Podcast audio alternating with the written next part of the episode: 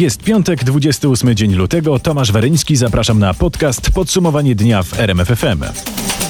Dzisiejsze słowa klucze to drogi koronawirus, zima w Tatrach, ciężki słoń, wściekła Turcja, co na to NATO, a także przedłużony Misiewicz i stare dobre oko.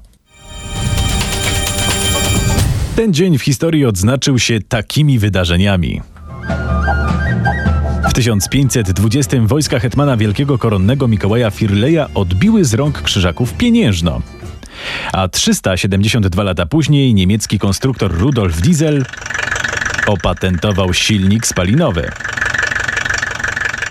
Natomiast 12 lat później założony został klub piłkarski Benfica Lisbona, a w 1948 roku w swym pierwszym meczu reprezentacja Polski w piłce siatkowej mężczyzn przegrała w Warszawie z Czechosłowacją 2 do 3. Natomiast 11 lat później Wystrzelony został pierwszy w historii satelita orbity polarnej Discoverer One. W 81 wprowadzono w Polsce kartki na mięso i wędliny, a w 2003 roku do kina wszedł film Superprodukcja w reżyserii Juliusza Machulskiego. w żadnym języku nie, nie, nie mówisz, halo? O. Sześć lat później Justyna Kowalczyk zdobyła złoty medal w biegu na 30 km techniką dowolną na Mistrzostwach Świata w czeskim Libercu. A w 2013 papież Benedykt XVI zrezygnował z urzędu. A jutro, 29 lutego, taki dzień zdarza się tylko raz na 4 lata. Nasza reporterka Magdalena Greinert zapytała, jakie macie plany. Co pan będzie w tę sobotę robił? O mój Boże. Będę pracował, proszę pani, od rana do wieczora. No jest on wyjątkowy na pewno, bo występuje tylko raz na 4 lata, więc jeżeli ktoś żyje intensywnie, ma tego czasu mało, to jak najbardziej powinien się cieszyć z takiego dodatkowego dnia. Na pewno się przyda. No ale wróćmy do tego, co dziś. A w piątek w Tatry powróciła zima, sypie śnieg i wieje silny wiatr. Turyści mają coraz większe problemy z poruszaniem się w górach. Zabłądzili nawet tuż obok Kasprowego Wierchu i wzywali TOPR na ratunek. I na pewno jeszcze pogorszą się warunki z widzialnością. Już ludzie w tej chwili w rejonie grani mają problemy orientacyjne, a dodatkowo podpowiadamy, że ta ograniczona widoczność to nie tylko są problemy z orientacją, ale właśnie problemy e, z określeniem jakby lokalnego zagrożenia lawinowego. Mówi nam ratownik dyżurny Marcin Józefowicz. W związku z intensywnymi opadami śniegu w Tatrach i prognozami silnego wiatru, ratownicy TOPR wprowadzili trzeci stopień zagrożenia lawinowego. Wyższe zagrożenie obowiązuje powyżej 1900 metrów nad poziomem morza. Oznacza to, że wyższe partie Tatr mogą się wybierać tylko najbardziej doświadczeni turyści wyposażeni w niezbędny sprzęt lawinowy. Pozostali powinni zweryfikować swoje plany weekendowe, bo na wielu szlakach górskich będzie bardzo niebezpiecznie. Blisko 97% ankietowanych przedsiębiorców obawia się wpływu koronawirusa na ich biznes, a 73% już odczuwa skutki ataku wirusa z Wuhan, wynika z badania przeprowadzonego przez Business Center Club. Nie wszystkie firmy w Polsce tracą jednak na obawach związanych z koronawirusem. Są takie, które mogą na tym solidnie zarobić i widać to po giełdowych notowaniach tych spółek. A kto może zyskać na koronawirusie, sprawdzał Krzysztof Berenda. To na przykład krakowska spółka Mercator, która zajmuje się produkcją gumowych rękawiczek, sprzedaje je u nas, w Ameryce, w Azji. Od kilku dni akcje tej spółki na warszawskiej giełdzie ostro idą w górę. Od początku roku podwoiły swoją wartość. E, Kolejna mocno zyskująca na giełdzie spółka to PZ Cormay z Warszawy. Ona zajmuje się dystrybucją środków medycznych, ma sprzedawać u nas testy na koronawirusa. E, W kilka dni akcje tej spółki podrożały o ponad 70%. To jednak nie jedyne spółki, które na koronawirusie zyskują. To na przykład także producenci gier komputerowych i aplikacji na telefony komórkowe, bo jeżeli koronawirus uderzy i tak jak w Chinach będziemy musieli siedzieć w domach, to część z nas będzie korzystać z internetu oraz z gier. Piątek to też kolejny bardzo nerwowy dzień na światowych giełdach z powodu koronawirusa. Krzysztof, jak teraz to wygląda? Sytuacja naprawdę jest nieciekawa, bo od początku tygodnia warszawska giełda straciła mniej więcej 16%. WIG20 jest na najniższym poziomie od 3,5 roku. Najmocniej tracą teraz spółki paliwowe, turystyczne i zarządzające fabrykami. Główna obawa polega w tej chwili na tym, że może dojść e, do zamknięcia granic, a to zablokuje transport, a więc handel towarami. Na razie żaden z ekonomistów i analityków nie odważy się pokazać, gdzie jest dno tych spadków. A jeśli byłeś na wakacjach we Włoszech albo w Azji i po powrocie pracodawca chce cię wysłać na przymusowy urlop albo badanie, to zapewniamy, nie ma do tego prawa. Tak informuje Państwowa Inspekcja Pracy. Po kolei Krzysztof Berenda nadal z nami. Krzysztof, co może spotkać pracownika, który wrócił z wakacji w zagrożonym miejscu? Pracodawca takiego pracownika może poprosić o przebadanie się, ale nie może go do tego zmusić. Może też dać dwa tygodnie pracy z domu albo dwa tygodnie wolnego, ale pod warunkiem, że pracodawca zapłaci takiemu pracownikowi 100% pensji i nie zmusi do brania urlopu, bo branie urlopu to jest nasza wolna wola. Mm, A czy pracodawca może nam zakazać wyjazdu na wakacje na przykład do Mediolanu albo Azji? Nie, może nas też o to tylko poprosić, ale urlop co do zasady pamiętajmy, to jest nasza prywatna sprawa. Sami decydujemy, gdzie jedziemy i komu o tym mówimy. No dobrze, a odwracając sytuację, jestem pracownikiem, kolega z biura wrócił właśnie z zagrożonego miejsca i się boję. Co mogę zrobić? Najlepiej jest dyskretnie poprosić szefa przełożonego o rozwiązanie tego problemu. Nam, jako pracownikom, nie wolno nękać kolegi z biura, nie wolno publicznie wyrażać niezadowolenia z jego obecności. To nasz dziennikarz ekonomiczny Krzysztof Berenda. W naszym kraju wciąż nie ma potwierdzonego przypadku koronawirusa, informuje minister zdrowia Łukasz Szumowski. Rząd uruchomił 100 milionów złotych, które szpitale będą mogły przeznaczyć na dodatkowe przygotowania w związku z koronawirusem. Premier zlecił też wojewodom wprowadzenie w całym kraju podwyższonej gotowości szpitali. A co to oznacza, sprawdzał Paweł Balinowski. W praktyce chodzi o to, że wojewodowie będą mogli dokonywać natychmiastowych zmian w działaniu szpitali objętych stanem podwyższonej gotowości. Na przykład zwiększenie bazy, bazy łóżek zakaźnych, czy przekształcenie oddziału w oddział zakaźny, czy zwiększenie obsady personelu. Wylicza minister zdrowia Łukasz Szumowski. Inspektorzy sanitarni w szpitalach mają pracować 24 godziny na dobę. Do Polski zosta- zostanie też sprowadzonych dodatkowe 30 tysięcy testów do badania osób, u których występuje podejrzenie zarażenia koronawirusem. Ograniczenie odwiedzin pacjentów i dodatkowe zamówienie na maseczki ochronne i kombinezony. Takie działania w odpowiedzi na kolejne informacje o ryzyku zakażenia koronawirusem z Chin wprowadza szpital powiatowy w mazowieckim Garwolinie. Te maseczki, ten kombinezon na razie leżą nieużywane. One po prostu czekają. E, Tak, one profilaktycznie są przygotowane w każdej izolatce. Zamówiliśmy dodatkowe egzemplarze, natomiast e, pewną ilość mamy w tej chwili. Jak duży to jest wydatek? Maseczka z filtrem HEPA kosztuje netto około 9,50-10 zł. Kombinezon od 180 do 400 zł. Państwo złożyli zamówienie na nowe maseczki i kombinezony. W jakim terminie? Kiedy one tutaj się pojawią? W ciągu dwóch tygodni To dużo z Państwa perspektywy? nie wiemy, bo nie wiemy, jak sytuacja będzie się rozwijała. Z pielęgniarką epidemiologiczną Szpitala Powiatowego w Garwolinie Joanną Siwiec i dyrektorem tej lecznicy Krzysztofem Żochowskim rozmawiał nasz reporter Michał Dobrołowicz. A po stwierdzeniu na Litwie pierwszego przypadku koronawirusa do pełnienia dyżurów na krajowych lotniskach i na granicy zostanie skierowane wojsko. Postanowiono podczas posiedzenia Rządowej Komisji do Spraw Nadzwyczajnych. Żołnierze będą zbierali dane kontaktowe od osób, które przyjadą z regionów dotkniętych epidemią. Pierwszy przypadek koronawirusa stwierdzono też na Białorusi. A kim jest chory w tym kraju? O tym Przemysław Marzec. Na Białorusi zarażony wirusem jest student z Iranu, który sześć dni temu przeleciał do Mińska z Baku w Azerbejdżanie. Przebieg choroby jest łagodny. Student i osoby, które się z nim kontaktowały, przebywają teraz w szpitalnych izolatkach. Na Litwie koronawirus wykryto u 39-letniej kobiety, która wróciła cztery dni temu z włoskiej Werony. Trafiła do szpitala w Szawlach. Również w jej przypadku przebieg choroby ocenia się jako bardzo łagodny, bez podwyższonej temperatury. Z kolei Ukraina ogłosiła, że będzie mierzyć temperaturę wszystkim przyjeżdżającym z Rosji. Natomiast w Rosji chore są trzy osoby, to pasażerowie statku Diamond Princess. Wraz z innymi ewakuowanymi ze statku Rosjanami przechodzą kwarantannę w Kazaniu. W sobotę mamy poznać wyniki testów, mówi RMFFM Piotr Wadecki, dyrektor sportowy kolarskiej grupy CCC Team, która brała udział w wyścigu w Zjednoczonych Emiratach Arabskich. Wyścig przerwano po tym, jak u dwóch uczestników wykryto koronawirusa. Obecnie wszystkie ekipy są zamknięte w hotelu. Z Piotrem Wadeckim rozmawiał Patryk Serwański. No przez całą noc służby badały wszystkich członków ekip, kolarzy, mechaników czy masażystów. Na razie cały peleton jest zamknięty w hotelu, ale można się po nim swobodnie poruszać. Na razie też no, kolarzom nie przekazuje się zbyt wielu nowych informacji i po prostu muszą czekać. Stojąc przed wizją spędzenia kilku dni czy kilkunastu dni zamkniętym w hotelu, no, no to nie wygląda to obiecująco i optymistycznie. Piotr Wadecki dodaje, że wyścig w Emiratach organizują Włosi, stanowią niemal całą obsługę wyścigu i być może w ten sposób koronawirus pojawił się w peletonie. A Jastrzębski Węgiel, siatkarska drużyna, która 5 marca ma zagrać ćwierćfinałowy mecz Ligi Mistrzów we włoskim Trydencie, e, prosi Europejską Konfederację Piłki Siatkowej o przełożenie spotkania albo rozegranie go poza terenem Włoch.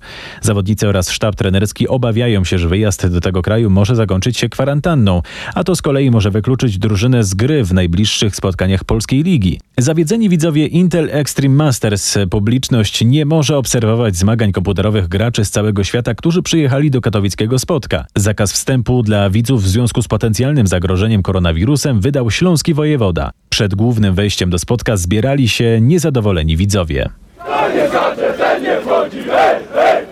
Co się dzieje? No, e, protestujemy. Bo? Jak widać, e, IM Katowice się dzisiaj nie odbywa z powodu zakazań wojewody. Czy są one słuszne?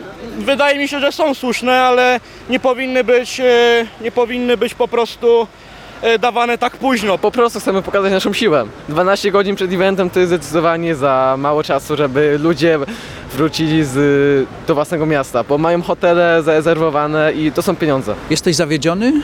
Bardzo. Przed katowickim spotkiem był nasz reporter Marcin Buczek. Wszystkie loty irlandzkiego Ryanaira odbywają się normalnie. Przewoźnik będzie na bieżąco reagować na wszelkie zalecenia i instrukcje Organizacji Ochrony Zdrowia Publicznego w związku z zagrożeniem koronawirusem. Ryanair do Włoch lata m.in. z lotniska w Modlinie, a także z Gdańska, Katowic i Krakowa. W czwartek węgierski Wizz poinformował, że odwołuje znaczną liczbę rejsów na trasie Polska-Włochy między 11 marca a 2 kwietnia ze względu na malejące zainteresowanie spowodowane wybuchem epidemii koronawirusa. Całkowitą przepustowość zmniejszono o około 60%. Minister Nauki i Technologii Izraela Ofir Akunis poinformował, że izraelscy naukowcy są bliscy stworzenia szczepionki przeciw koronawirusowi, która nawet w ciągu kilku tygodni może trafić do testów klinicznych. Eksperci twierdzą, że przygotowanie szczepionki w ciągu roku, nawet 18 miesięcy, byłoby wielkim sukcesem. Dlaczego badacze z Izraela mieliby to zrobić szybciej? O tym Grzegorz Jasiński. Być może doszło do szczęśliwego przypadku. Naukowcy z Instytutu Badawczego Galilei od czterech lat opracowywali szczepionkę przeciw wirusowi IBV, wywołującemu go u drobiu zakaźne zapalenie oskrzeli. Skuteczność tej szczepionki została już wstępnie potwierdzona. Jako model do badań tej skuteczności stosowali koronawirusa występującego właśnie u ptaków. Gdy poznali wyniki pierwszych badań genomu koronawirusa z Wuhan, przekonali się, że jest on bardzo podobny. Co więcej, oba wirusy do wnikania do komórek wykorzystują podobny mechanizm. To daje nadzieję, że stosunkowo szybko w oparciu o szczepionkę przeciw IBV uda się opracować szczepionkę przeciw koronawirusowi. Przeczytajcie o tym więcej na rmf24.pl. Magdalena Kralka, poszukiwana listem gończym z czerwoną notą Interpolu, została zatrzymana. Kobieta podejrzana jest o przestępstwa narkotykowe i kierowanie grupą przestępczą związaną z pseudokibicami Krakowi. Wpadła na Słowacji. Z tymi faktami Paweł Balinowski. Magdalena Kralka została zatrzymana w okolicach Zwolenia na Słowacji przez tamtejszych policjantów, którym pomagali polscy funkcjonariusze. Kobieta nie stawiała oporu. Jest to ona niewątpliwie, chociaż zmieniła swój wygląd. To zupełnie inaczej już wyglądająca kobieta, ciemny kolor włosów. Mówił Mariusz Ciarka, rzecznik Komendy Głównej Policji. Kobieta w chwili zatrzymania była zaskoczona i zaprzeczała, że jest poszukiwaną czerwoną notą Interpolu oraz europejskim nakazem aresztowania Magdaleną Kralką. Jest podejrzana o kierowanie gangiem pseudokibiców, który zajmował się głównie handlem narkotykami na dużą skalę. Aż o pół roku do końca sierpnia prokuratura przedłużyła śledztwo w sprawie byłego rzecznika MON Bartłomieja Misiewicza, dowiedział się reporter RMFFM. Misiewicz usłyszał m.in. korupcyjne zarzuty. Jest też podejrzany o działanie na szkodę polskiej grupy zbrojeniowej.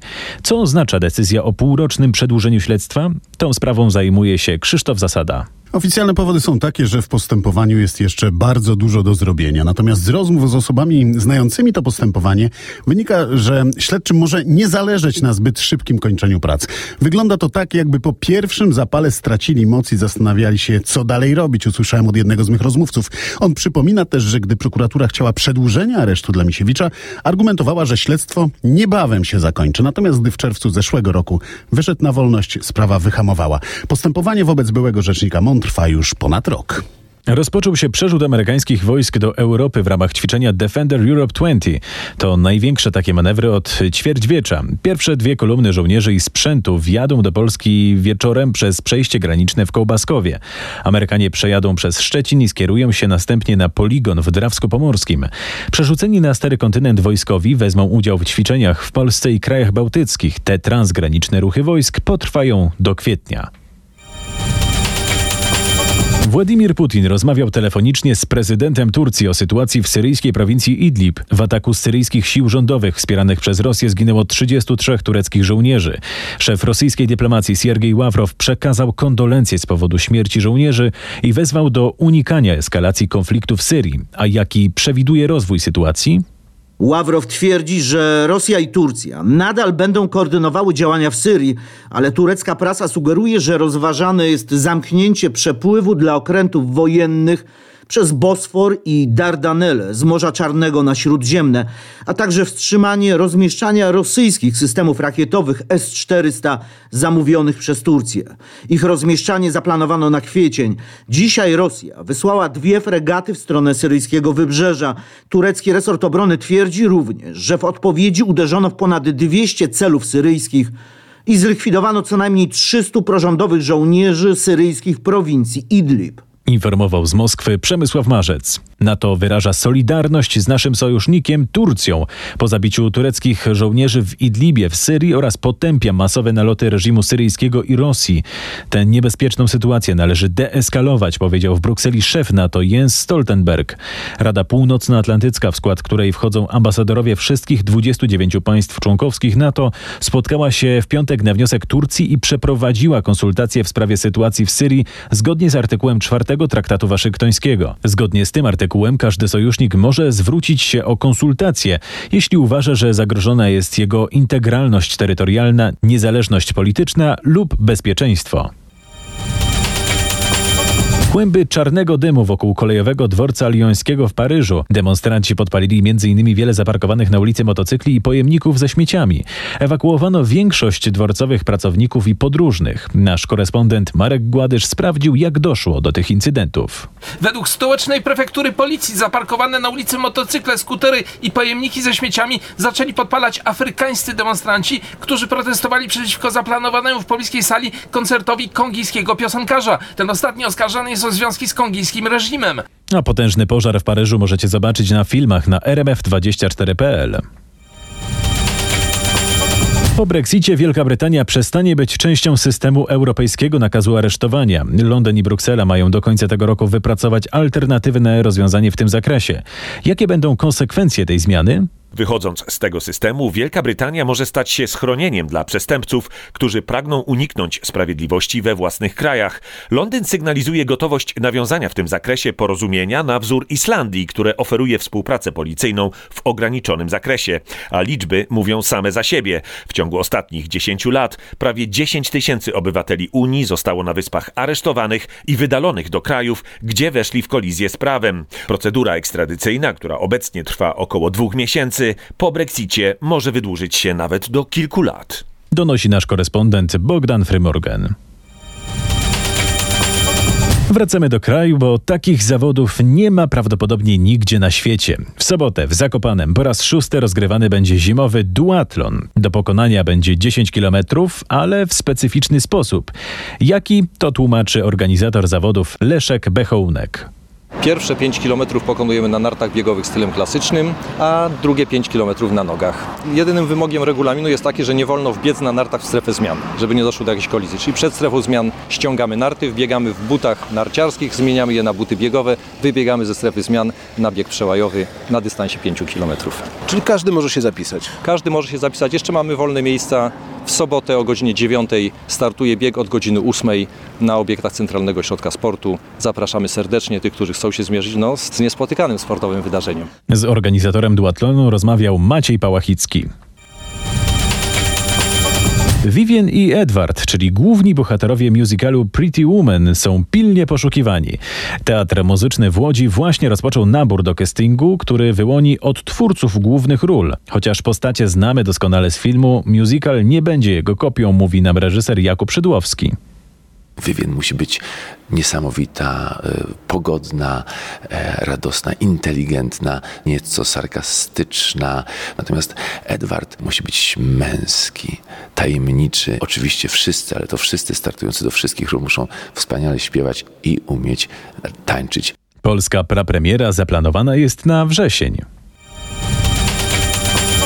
Strażacy pomogli wstać w warszawskim ogrodzie zoologicznym 4,5-tonowej słonicy o imieniu Erna. Zwierzę nie mogło się podnieść po nocnej drzemce. Erna to przewódczyni stada, najstarsza, ma 34 lata, podkreśla warszawskie zoo. A jak strażacy podnosili słonia, zobaczcie na rmf24.pl.